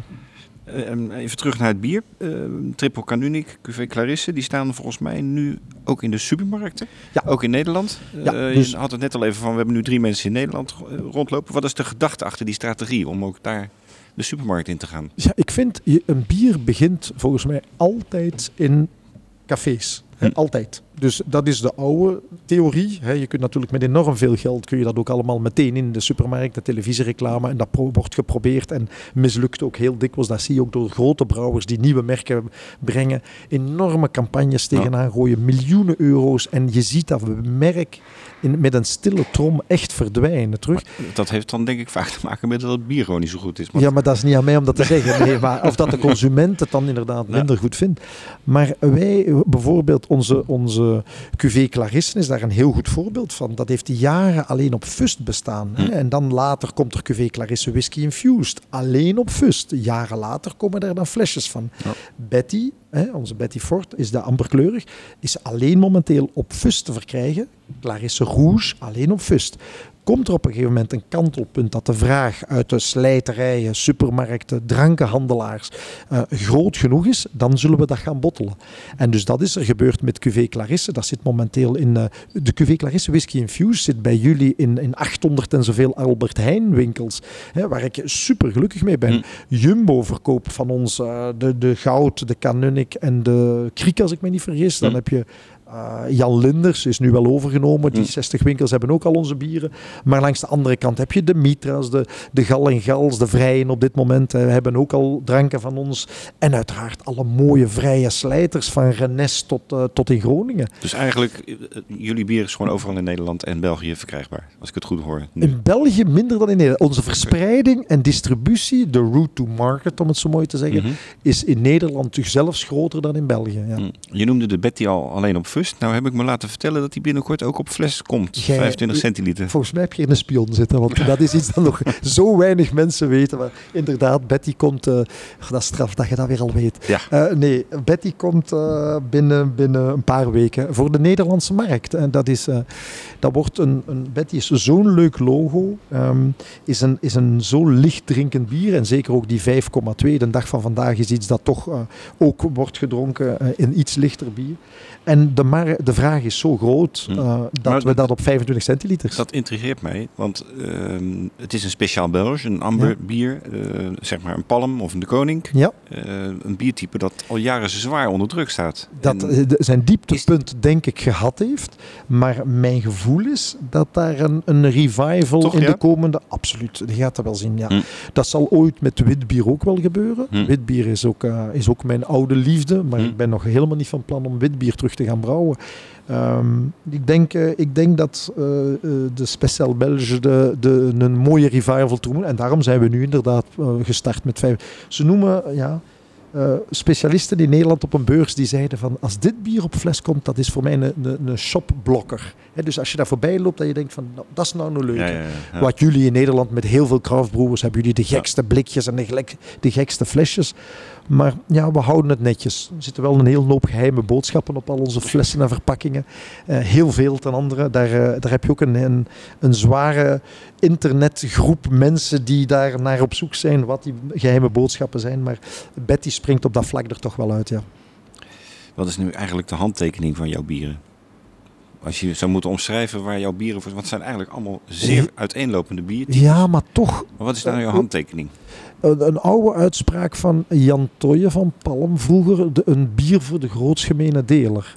Dus ik ben, dat- wij zullen ooit wel een, een, een soort geek line hebben. Mhm. Maar als hier honderd, eh, even op onze eigen zaak hier, hè, als hier honderd mensen binnenkomen, dan wil ik eigenlijk, je wilt 100% klantentevredenheid, maar dat kan nooit. Dat lukt nooit. Maar 95% gaat hier naar huis, en dat zie je ook in, in TripAdvisor beoordelingen en Google, eh, van wauw, fantastisch. En 5% komt niet hier aan zijn trekken voldoende. Hm. En die willen dan inderdaad de, de gekke dingen, de crazy dingen, de leuke dingen, ondeugende dingen, die, die veel verder gaan. Op spiritniveau kun je och, de gekste dingen gaan bedenken. Je kunt absint gaan maken met hele... Je kunt zotte dingen doen, ook in de bierwereld. Maar ja, wij, wij maken bier voor... Ja, ja. Ik, ik wil dat je bier hebt waar je een tweede glas van wilt en een derde glas van Hm. wilt. Dat je proeft van, dat is zo eerlijk. Het feit, wij hebben, wij hebben vijf jaar geleden, dat, dat is toch een klein anekdote. Hm. Vijf jaar geleden wonnen wij eh, de Brussels Beer Challenge. Je weet dat dat toch voor de Belgen en in de wereld een mooie wedstrijd is. Absoluut. Heel eerlijke, correcte wedstrijd. Roniek en ik waren op de beurs in Gent vergeten naar de uitreiking te gaan. En op een gegeven moment kwam Olaf van Duvel mij zeggen: Mike, je moet gaan. Want jullie hebben in de categorie zware blonde bieren. Hebben jullie met wildere goud een 6,2 hebben jullie de gouden medaille gewonnen. Duvel was 2 en Omer was 3. Ik vond het, dat is echt een mindfuck, want dat klopt gewoon in mijn ogen zelfs niet. Hè, dat je met een 6,2 tegen een Duvel en een Omer. Ja. Toch hadden wij de gouden medaille. Dus die jury moet dan toch ook gedacht hebben van dat is nou eens een Mooi bier. zacht, eerlijk, vol, eerlijk bier zonder smaakversterkers van wat het ook mogen zijn, welke product van welke ingrediënt. Ja. En daar ben je zo trots op, ja. En nu met, dat, met die samenwerking met, met Poyala vind ik dat wel leuk om zoiets echt waar veel van ons DNA in zit en heel veel van hun DNA.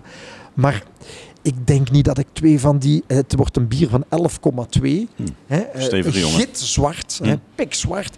Die flesjes gaan hier eh, 3, 4 euro het stuk verkocht worden. Multibier gaat die verkopen. En zij in, in Tallinn gaan die ook verkopen. Geweldig, ik ben daar heel trots op. Vaten- Eenmalige badge, dus een op eenmalige, maar misschien een tweemalige. Ja, Ja, ja, ja, we hebben nog wel lege vaten liggen. Dus, eh, maar je, je geniet daar wel van. Maar ja, wij maken, wij maken ja, het woord mainstream wil ik niet zeggen. Want een triple canonic, hè, of je die naast een Chouf of naast een Karmeliet of naast een, een Chimay. Of, ik vind ons bier, mag, onze bieren mogen er staan. Wij hebben geen pasteur in huis, dat moet je wel weten. Wij zijn Mm. daar heel trots op. Wij hebben geen centrifuge. Onze bieren worden nog door een ouderwetse platenfilter gehaald. Wij, wij, wij pasteuriseren niet. Ja, ehm, Ja, ik denk dat mijn klanten, mijn, onze cafébazen, die wildere goud, ik heb er straks gezegd, de Bonte Koe in Leiden doet hier 20 fusten per week van. Ik bedoel, Ja, ja. sinds dag één. Ja. Dus als je in Leiden gestudeerd hebt, ja, dan hè, 13 jaar geleden, dan, dan ken je de wildere goud van Ja. de Bonte Koe. Ja. Maar ik heb ook de Bonte Koe in Purmerend. Die hebben zelfs een, een vat whisky hier liggen. Maar Het ik, mo- ja, mooi, ja, Purmerend inderdaad ook een bonte koe. Maar het mooie van, van dat wildere goud is natuurlijk dat glas. Je hebt het al een paar keer genoemd. Eh, Een heel, ja, eigenlijk een atypisch bierglas. Ja. Maar jullie hebben daar ook een keer een interessant dispuut gehad met een grote brouwerij om de hoek, Kristal Alken. ja, Want die hebben volgens mij een keer een nieuw bier op de markt gezet en precies jullie glas gekopieerd. Niet helemaal, maar Nou, het, ja, we hebben het leek er toen- wel ja, heel het, erg leek, op. het leek er toch wel wat op. En dan een brouwerij die hier op, op 10 kilometer van mijn deur zit. Ja, hoe heb je En, dat opgelost? eh, We hebben, dat, we hebben in plaats van ruzie te maken, want dat is ooit al gebeurd door de jongens van Kwak. Hè, en en eh, ik weet het nu, was het nu Corn, ik weet het niet meer wie, dat dat glas ook eh, iets met de houtvoetje Ja. en zo. Er is toen ooit een, een Met, die ga- ruzie. met dat galgje de, Ja, maar etiket. wij hebben dat toen, denk tactvoller opgelost. Wij hebben hun gefeliciteerd publiekelijk. Hè, van, eh, we hebben een soort boomerang filmpje, je kent dat, hè, zo van drie seconden gemaakt. Hè, met hun glas en ons glas, met hun bier erin en ons bier erin. En, het was een kristal, alke, een kristal dan eh, ongefilterd als ik me niet vergis. We hebben dat eh, laten toasten, we hebben dat gepost op onze Facebook met 20.000 volgers. Maar we hebben ook, zij hebben dat dan ook, we hebben hun gefeliciteerd met, weet je, grote buur uit Alke, gefeliciteerd met jullie nieuwe bier. Qua glas zitten jullie tenminste alvast goed. En dan, toen zagen opeens eh, een half miljoen volgers van hun dat dat glas wel verdacht veel op dat van ons leek. Toen zijn ze die van jou gaan proberen. Maar, ze hebben, maar toen hebben ze wel anderhalf miljoen. We hebben nog nooit zoveel likes en, en volgers en bijverdiend door eigenlijk hun te feliciteren. En Mooi, we zullen zien, ja. Ons glas is het, eh, is het origineel op dat vlak. precies. Je bent altijd vrij uitgesproken geweest, want ook eh, toen Tournee, Tournee Mineraal, dat is een, een, zeg maar een alcoholvrij campagne hier in België, een maand alcoholvrij promoten.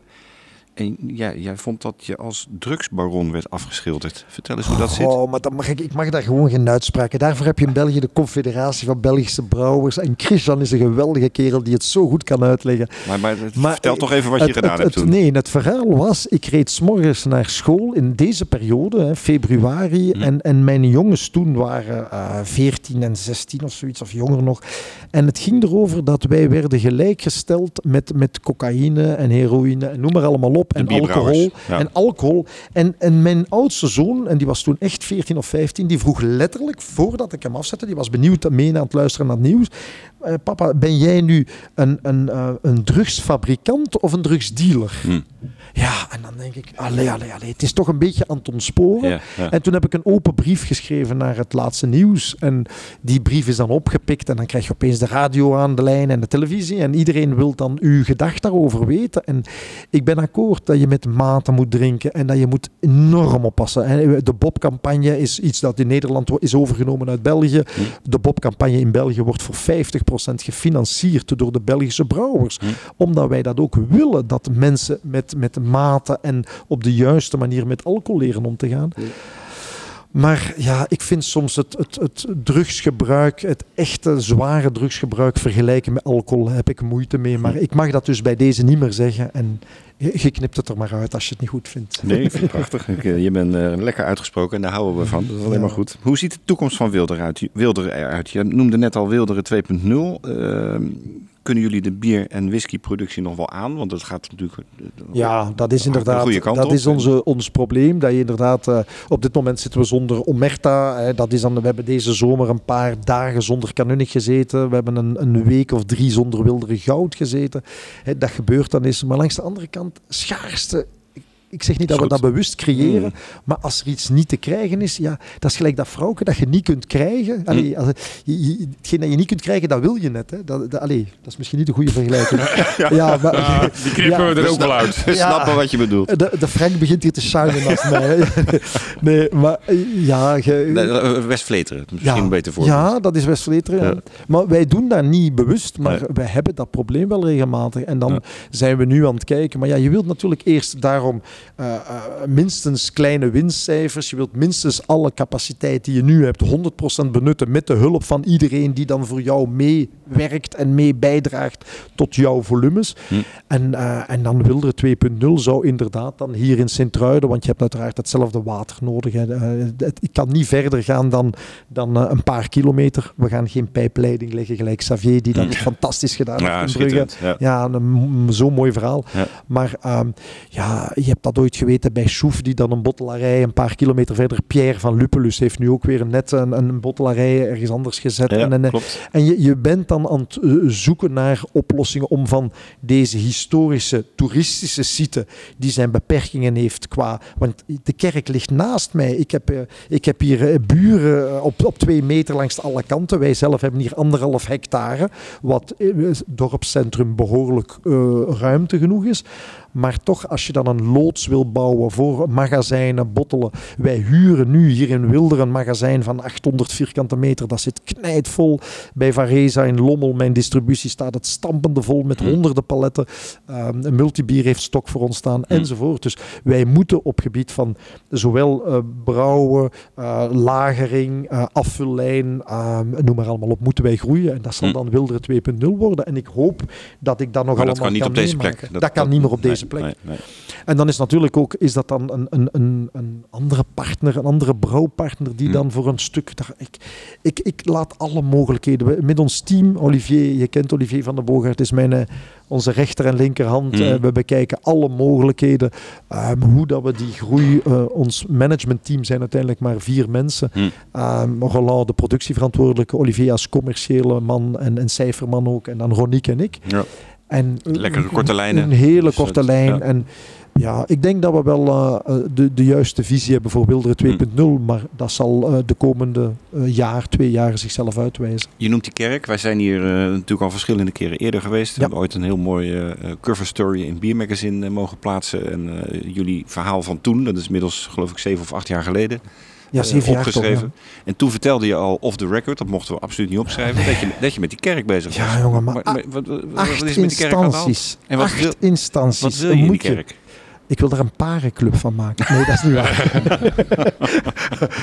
nu gaan de bobsenoogstjes open. Nee. nee, dat is niet waar. Maar ik, nee, die kerk... Je moet weten, onder ons huis... Ik woon hier in, in, op, op de site zelf, in, Mhm. in het oud huis van de burgemeester van Wilderen. Er loopt een gang hè, die dichtgemetst is. En in die kerk loopt die gang, komt die gang dan weer boven. Die kerk is Romaans. Eh 11e eeuw, een toren van de 11e eeuw. Het schip van de kerk is veel eh, recenter, eh, jaren 1800. Maar dat ligt hier naast mijn deur en ik wil daar iets, iets mm, heel moois van maken. Maar eigenlijk ga ik u dat niet vertellen. Je moet maar nog maar eens terugkomen. Ja, dan, dan, dan Hey, maar, eh, spreken we het, dan af. het voltallige stadsschepencollege, gelijk dat dat bij ons heet, de wethouders, Wethouders, weet, ja. iedereen weet ervan, burgemeester weet ervan, maar in Sint-Truiden wisselt de burgemeester af en toe wel eens sneller. Er zijn heel wat eh, problemen geweest in, in de, in de vaccinatieperiode met de burgemeesters in Sint-Truiden. Maar goed, ehm, alle huidige burgemeester en schepenen weten allemaal dat wij daar... eh, Plan is nog die kerk baan komt dus. vrij. Die Ja. komt vrij, dat Hm. is zeker. Er zijn in Sint-Truiden op dit moment eh, 13 ehm, kerken die ehm, eh, eh, niet prioritair meer zijn, gelijk Hm. dat ze zeggen. Maar je hebt met monumentenzorg te maken, met het bisdom, met de kerkfabriek, met de stad die eigenaar is van de grond en die is eigenaar van de toren. Allee, er zijn zeven, acht instanties die moeten hun zegen geven. Ja, ja, ja. En dan wordt die ontwijd voor één stuk, maar de toren zou wel gewijd blijven, wat het oudste en het mooiste die ten anderen al te bezoeken is. Hè. Dus Hm. je kunt die toren al bezoeken. Ja. Maar mijn, mijn actie in het schip, hè, wat voor publiek is, hè, en geen B&B, wat iedereen maar denkt, maar ehm, het wordt uiteraard een, een belevingscentrum, Mhm. ehm, zal, laat ons hopen, ook binnen een jaar of binnen twee jaar wel rond zijn. toch ja, wel. Dat is wel de bedoeling. Ja. Dan dan komen we zeker nog Ja, ja, terug. ik moet je toch eh, hier regelmatig Ja, op de ja, ja, vloer ja. krijgen. hè. Ja, toch een vraag die met mij steeds blijft hangen. Ben jij nou eigenlijk meer een biermens of een whiskymens? Goh, wat dat, ik ben een bierman, absoluut. Ik weet van whisky niet genoeg. Ik, wij doen whiskybeurzen mee. Ik heb zelfs ooit in een stadion... Wacht, hoe heet dat café daar weer al? In Hengelo. Hoe heet dat, de voetbalclub in Hengelo? Eh, Nee, nee, Enschede, Nee, FC Twente. ja, nee, het was niet Twente, de andere. En daar heb ik zelfs ooit een whiskybeurs mee gedaan. In Almelo, Almelo. Almelo. Her- Heracles. Heracles, ja. Daar is ooit een heel mooie whiskybeurs. En ik heb daar een geweldige tijd gehad eh, ehm, met Ruud. eh, maar goed, van, van het biercafé daar, van Belgisch Biercafé. Ehm, wij doen elke whiskybeurs mee die we kunnen. Heel uitdagend, maar ik ben, ik ben niet de kenner eh, gelijk. gelijk Hmm. ik. Van bieren kun je mij weinig liggen hebben. Ik probeer alles te volgen, ook zelfs nog in Nederland. Ik ken niet jullie 700 brouwerijen. Hmm. Die dikke nek heb ik niet om te zeggen. 900, hè? Goh, dat is helemaal, dat is krankzinnig. hè.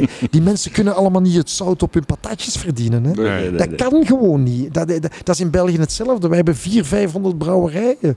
Wie, wie moet dat allemaal drinken?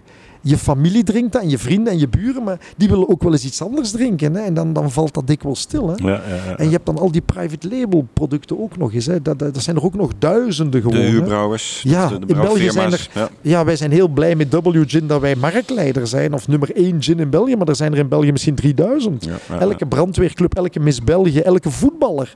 De, eh, Toby Alderweireld heeft tegenwoordig ook zijn gin, rum en whisky. Dan denk ik, ja, die, die kerel heeft nog nooit een, een, een stokerij van binnen gezien. Nee. Goede voetballer, toffe kerel. Fijne Antwerpenaar, eh, goede shotter. Heeft een goede trainer, hè, Nederlander. te Ja, ja, ja. ja. Hè, van, eh, maar goed, al dat, dat private label. Ik, wij zijn een warme brouwer en Ja. een warme stoker. Ja. Wij zijn een warme bakker en een koude bakker. Ja. Je hebt een warme bakker, iedereen kent dat verschil. En ik vind een warme brouwer en een warme stoker, dat neemt niet weg dat je eens kunt een beetje scheef gaan, een beetje foefelen en wat laat daarbij gisten en bij lageren en daar bottelen. Je kunt hulp inroepen.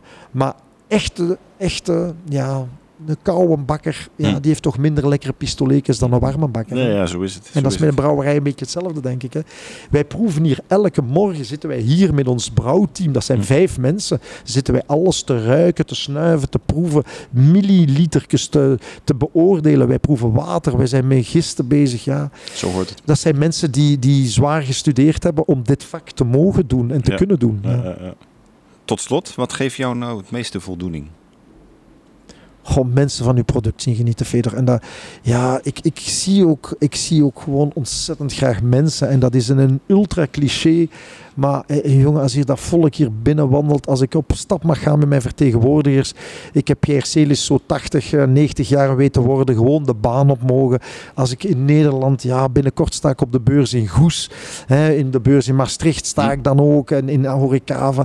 Nederland, ja, ik ben 50% eh, Belgisch-Nederlands. Dus ja, ik, ik, ik hou van, van jouw land en van mijn halfland. En ik kom er gewoon ontzettend graag. En ja, de- die cafébazen, die, die ondernemers, jullie hebben toch horeca-ondernemers nog meer dan in België. hè. Een, een cafébaas in Holland, dat is echt een, een ondernemer. En die, die denkt erover na, die gunt u dat. Die, ja, in België moet je cafébazen zijn. Er zijn er heel veel goeie ook, maar ook heel veel laatste hoopverhalen. Hè. En Mhm. dat heb je in Nederland toch minder. Ja. Een, een horecaondernemer is echt een, een man met visie. En die, die, die komt ons bezoeken, die neemt zijn personeel mee, die neemt zijn klanten mee naar hier. En die denkt van, die Mike en, en Ronique in Die wil ik wel eh, een plezier gunnen. En die Ja. neemt je bier op tap. En die supermarkteigenaars, die doen dat ook. En Dat geeft jou het meeste voldoening. Ja, Gewoon ik ga niet je product terugzien en, en het enthousiasme dat jullie hier uitstralen, dat Ja. terugzien bij en andere ik- mensen. dat zijn geen dollars. Dat Nee. mee, dat, dat, dat, die euro's, dat is fijn als je iedereen kunt betalen. Maar jong, ja, dat mensen hier goed gezind naar huis gaan. Dat hier ter plaatse of in een horecazaak die, die ergens ten velde ligt. Ja, mensen je product zien drinken. En, en daar dan ook iets tegen kunnen zeggen en een babbeltje mee doen. Ja, Ja, ja, ja. Dat is, ja, gelukkig dat we nog buiten komen. Hè, na al dat corona-gedoe. Ja, Ja, dat kun je wel zeggen. ja. Hoe, hoe, hoe fout is dat geweest? Allemaal Ja. opgesloten thuis zitten. Ja, ja, Geen ja. sociaal contact. En, en nu kunnen we terug klinken en pinten drinken. Kom, laten we, we dat eens doen. doen. Nou, ja, cheers. gezondheid. Cheers. Fijn dat, Dankjewel. jullie, fijn dat jullie er zijn vandaag. Absoluut. This is the Brewpod.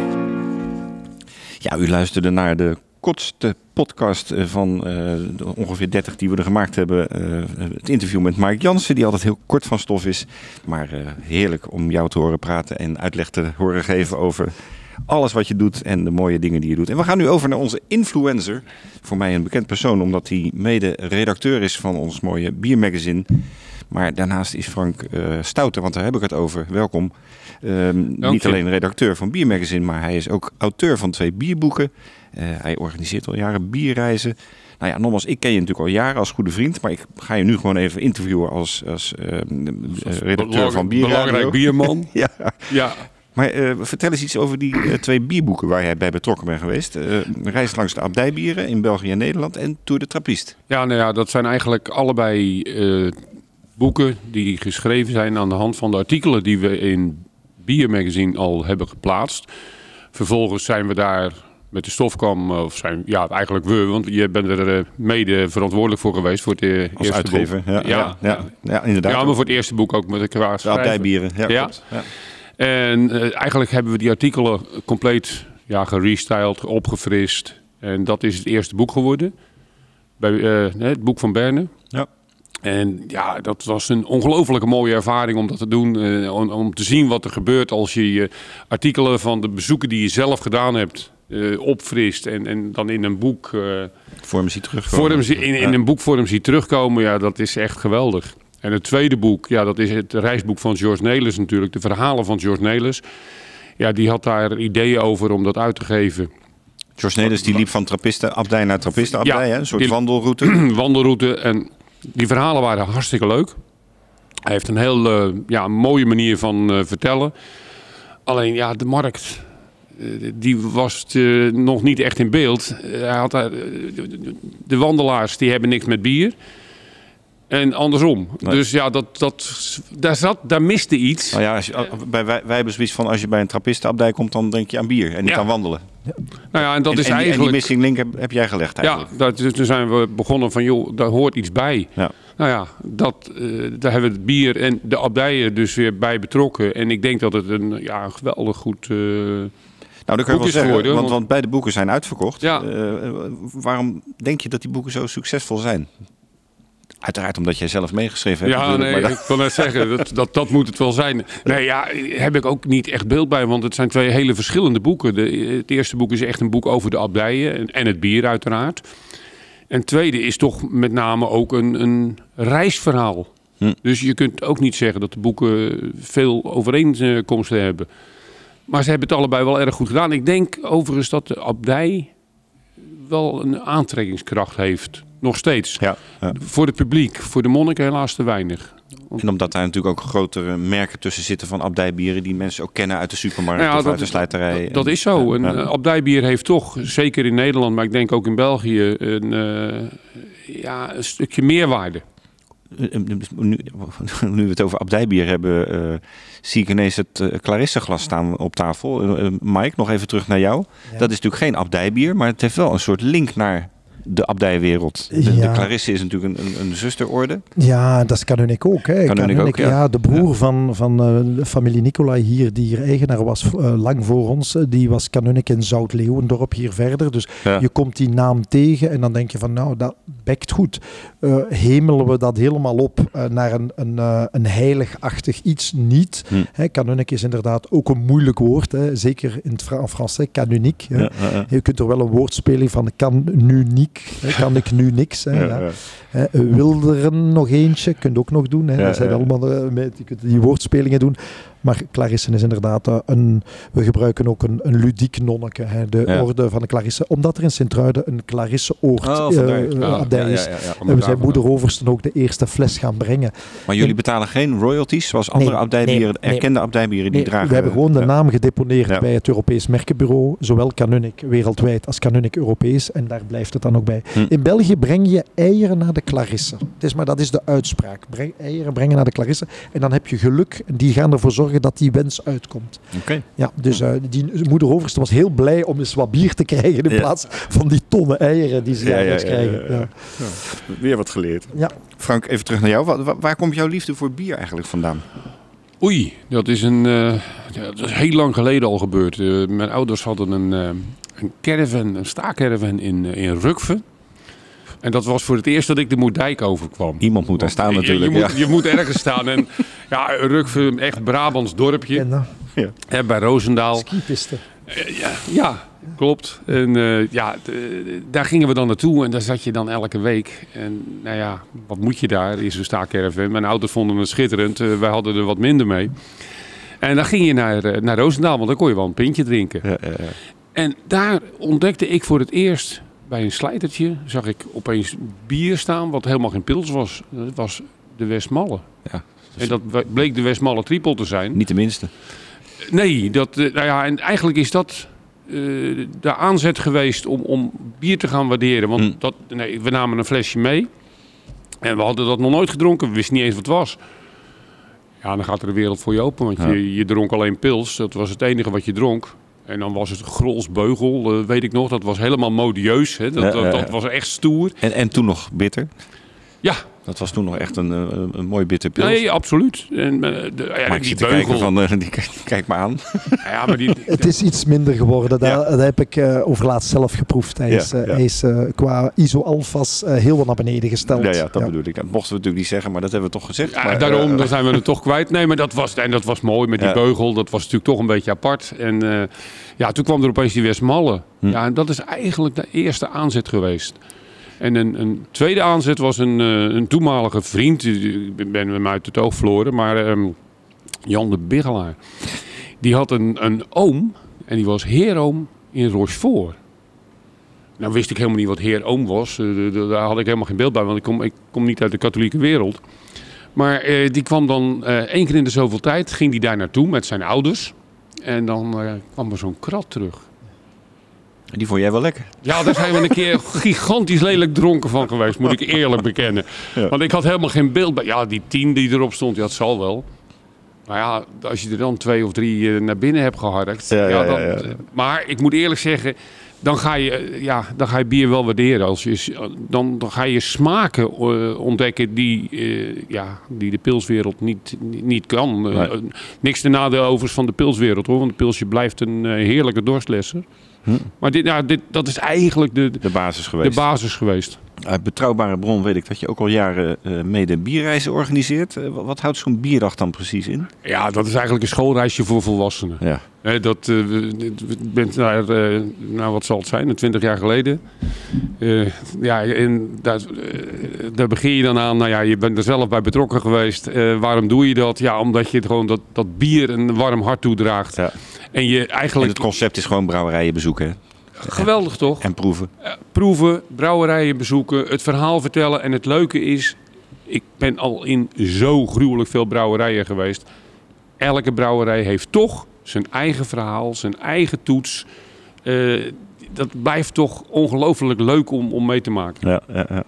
Naast bierliefhebber ben je ook whiskyliefhebber. Dus wat dat betreft is het natuurlijk een hele mooie eh, match vandaag in deze podcast. Ja. Met Mark Jansen erbij eh, in deze distilleerderij en brouwerij.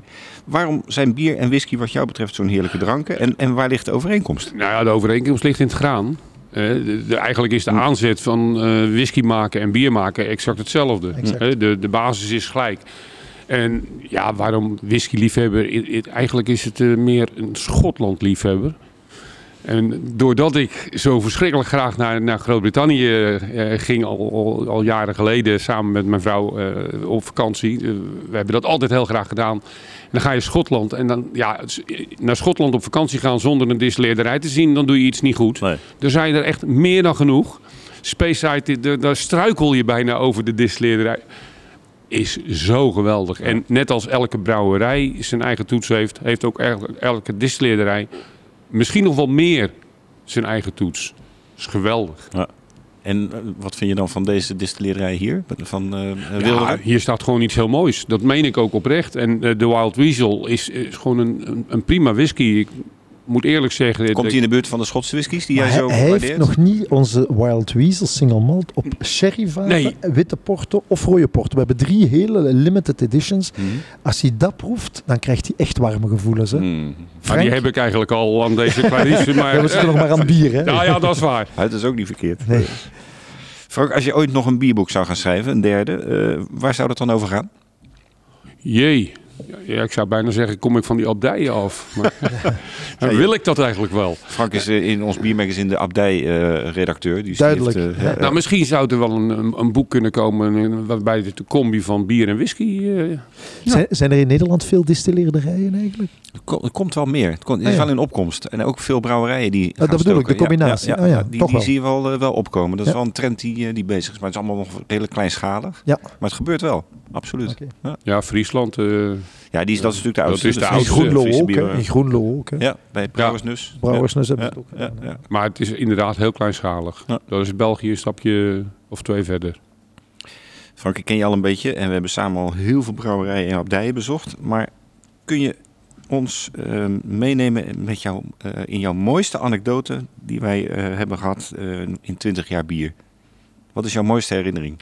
Mijn mooiste herinnering, en dan, ja, dan, die zijn er heel veel, moet ik eerlijk zeggen. Dus dat is nog niet zo heel makkelijk kiezen. Ik denk alleen al aan, aan Maretsu, waar we op bezoek waren. En een hele mooie rondleiding hadden gehad. En we lopen de parkeerplaats op. En daar hebben we een katje gevonden. Nou, dat is nog geadopteerd. Ja, dat zijn dingen die, die overkomen je. He- Hebben op zich niks met bier te maken, maar wel alles met de beleving rondom het bier. En, en Ja. ja, dat was geweldig. Eh, terug met die beestjes de abdij in, het, het bezoekerscentrum. En Het was echt een die. Ik dacht Ja, een katje nee, nee, nee, zonder nee, handschoenen nee. aan te Nee, het pakken. was- nee, Ah, nee, nee, nee. nee, het was een die. het was echt een klein... eh, ja, hij is ook geadopteerd en ik geloof dat hij verder is gegaan als triple. We hebben hem inderdaad triple genoemd. Ja. Nee, geweldig verhaal. Mooi. Frank, hartelijk dank. Graag gedaan. Ja, en eh, zo hebben we de tweede gast gehad en gaan we nog even naar het eh, zogenaamde laatste rondje.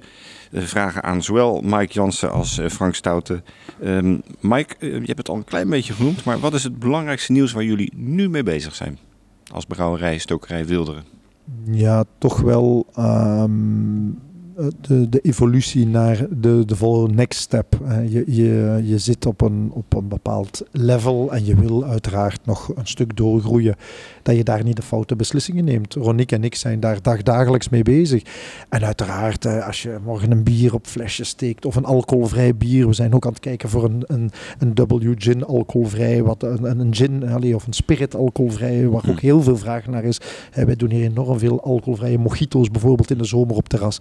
Dus dat zijn dingen waar je mee bezig bent. Maar de, de lijn uitzetten om, eh, om, om die 20 toffe medewerkers. We hebben echt een fantastisch team om, om eh, dat die aan de slag kunnen blijven, dat die meegroeien, die bouwen mee aan dit schip en die hebben dat weten bouwen van nul.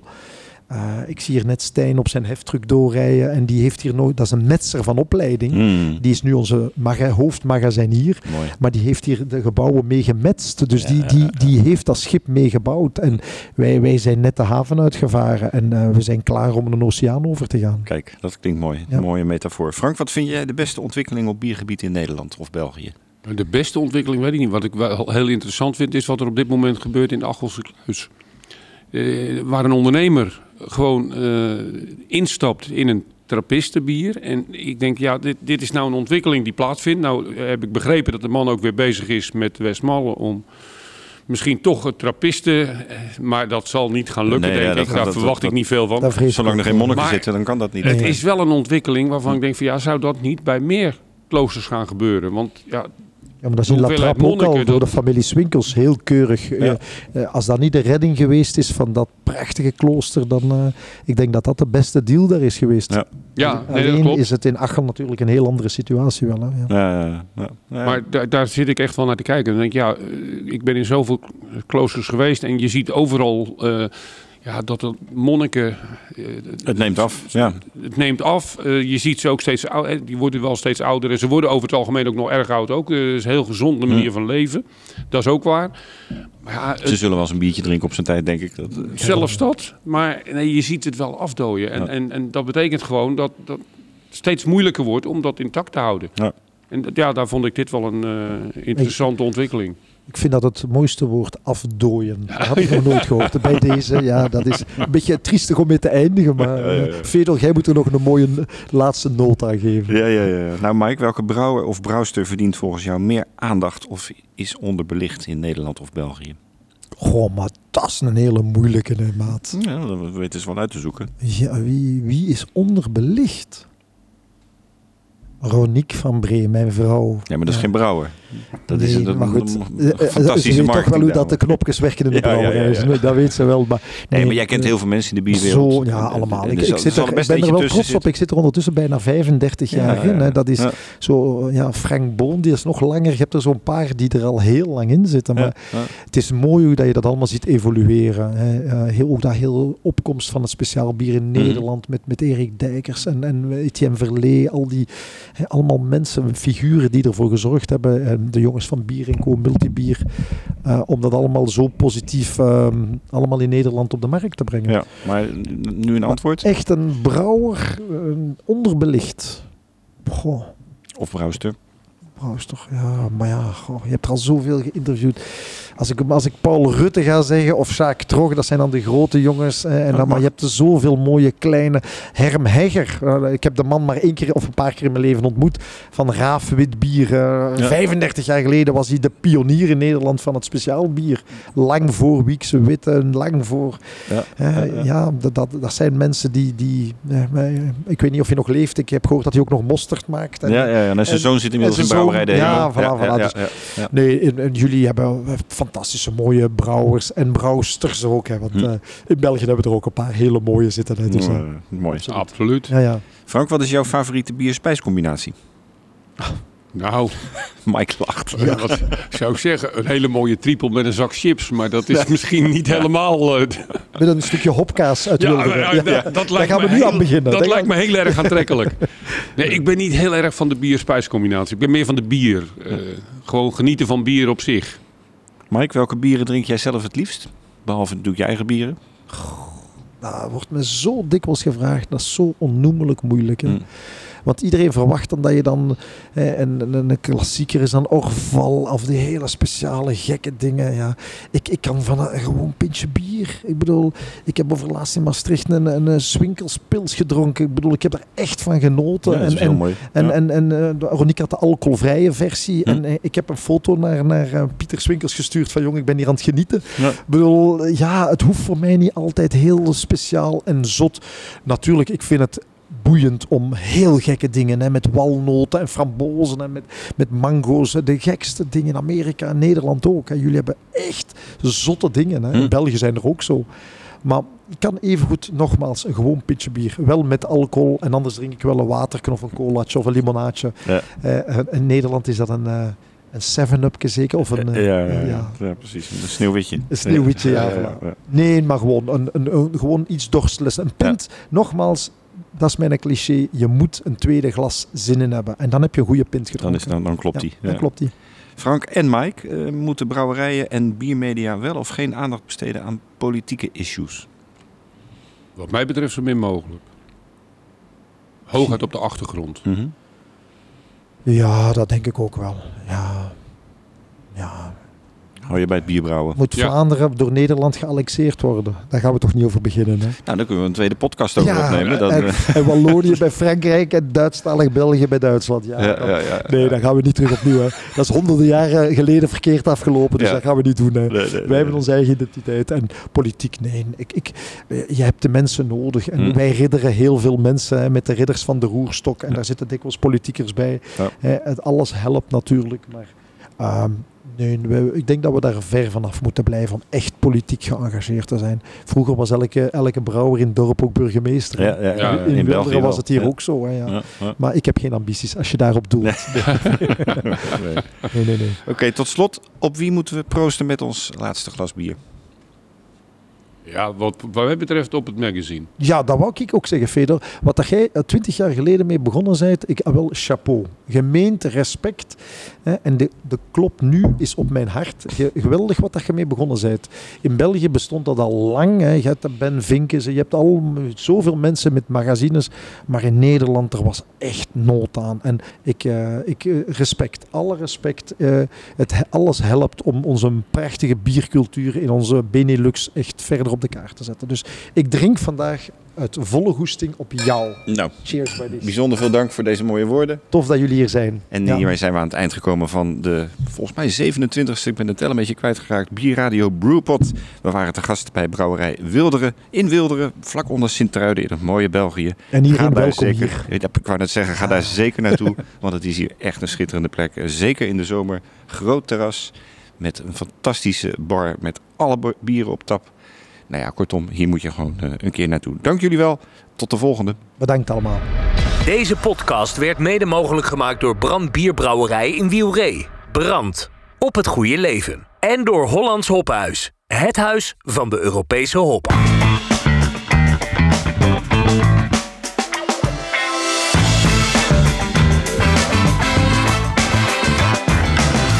Thanks for listening. Until next time at the Brew Pod.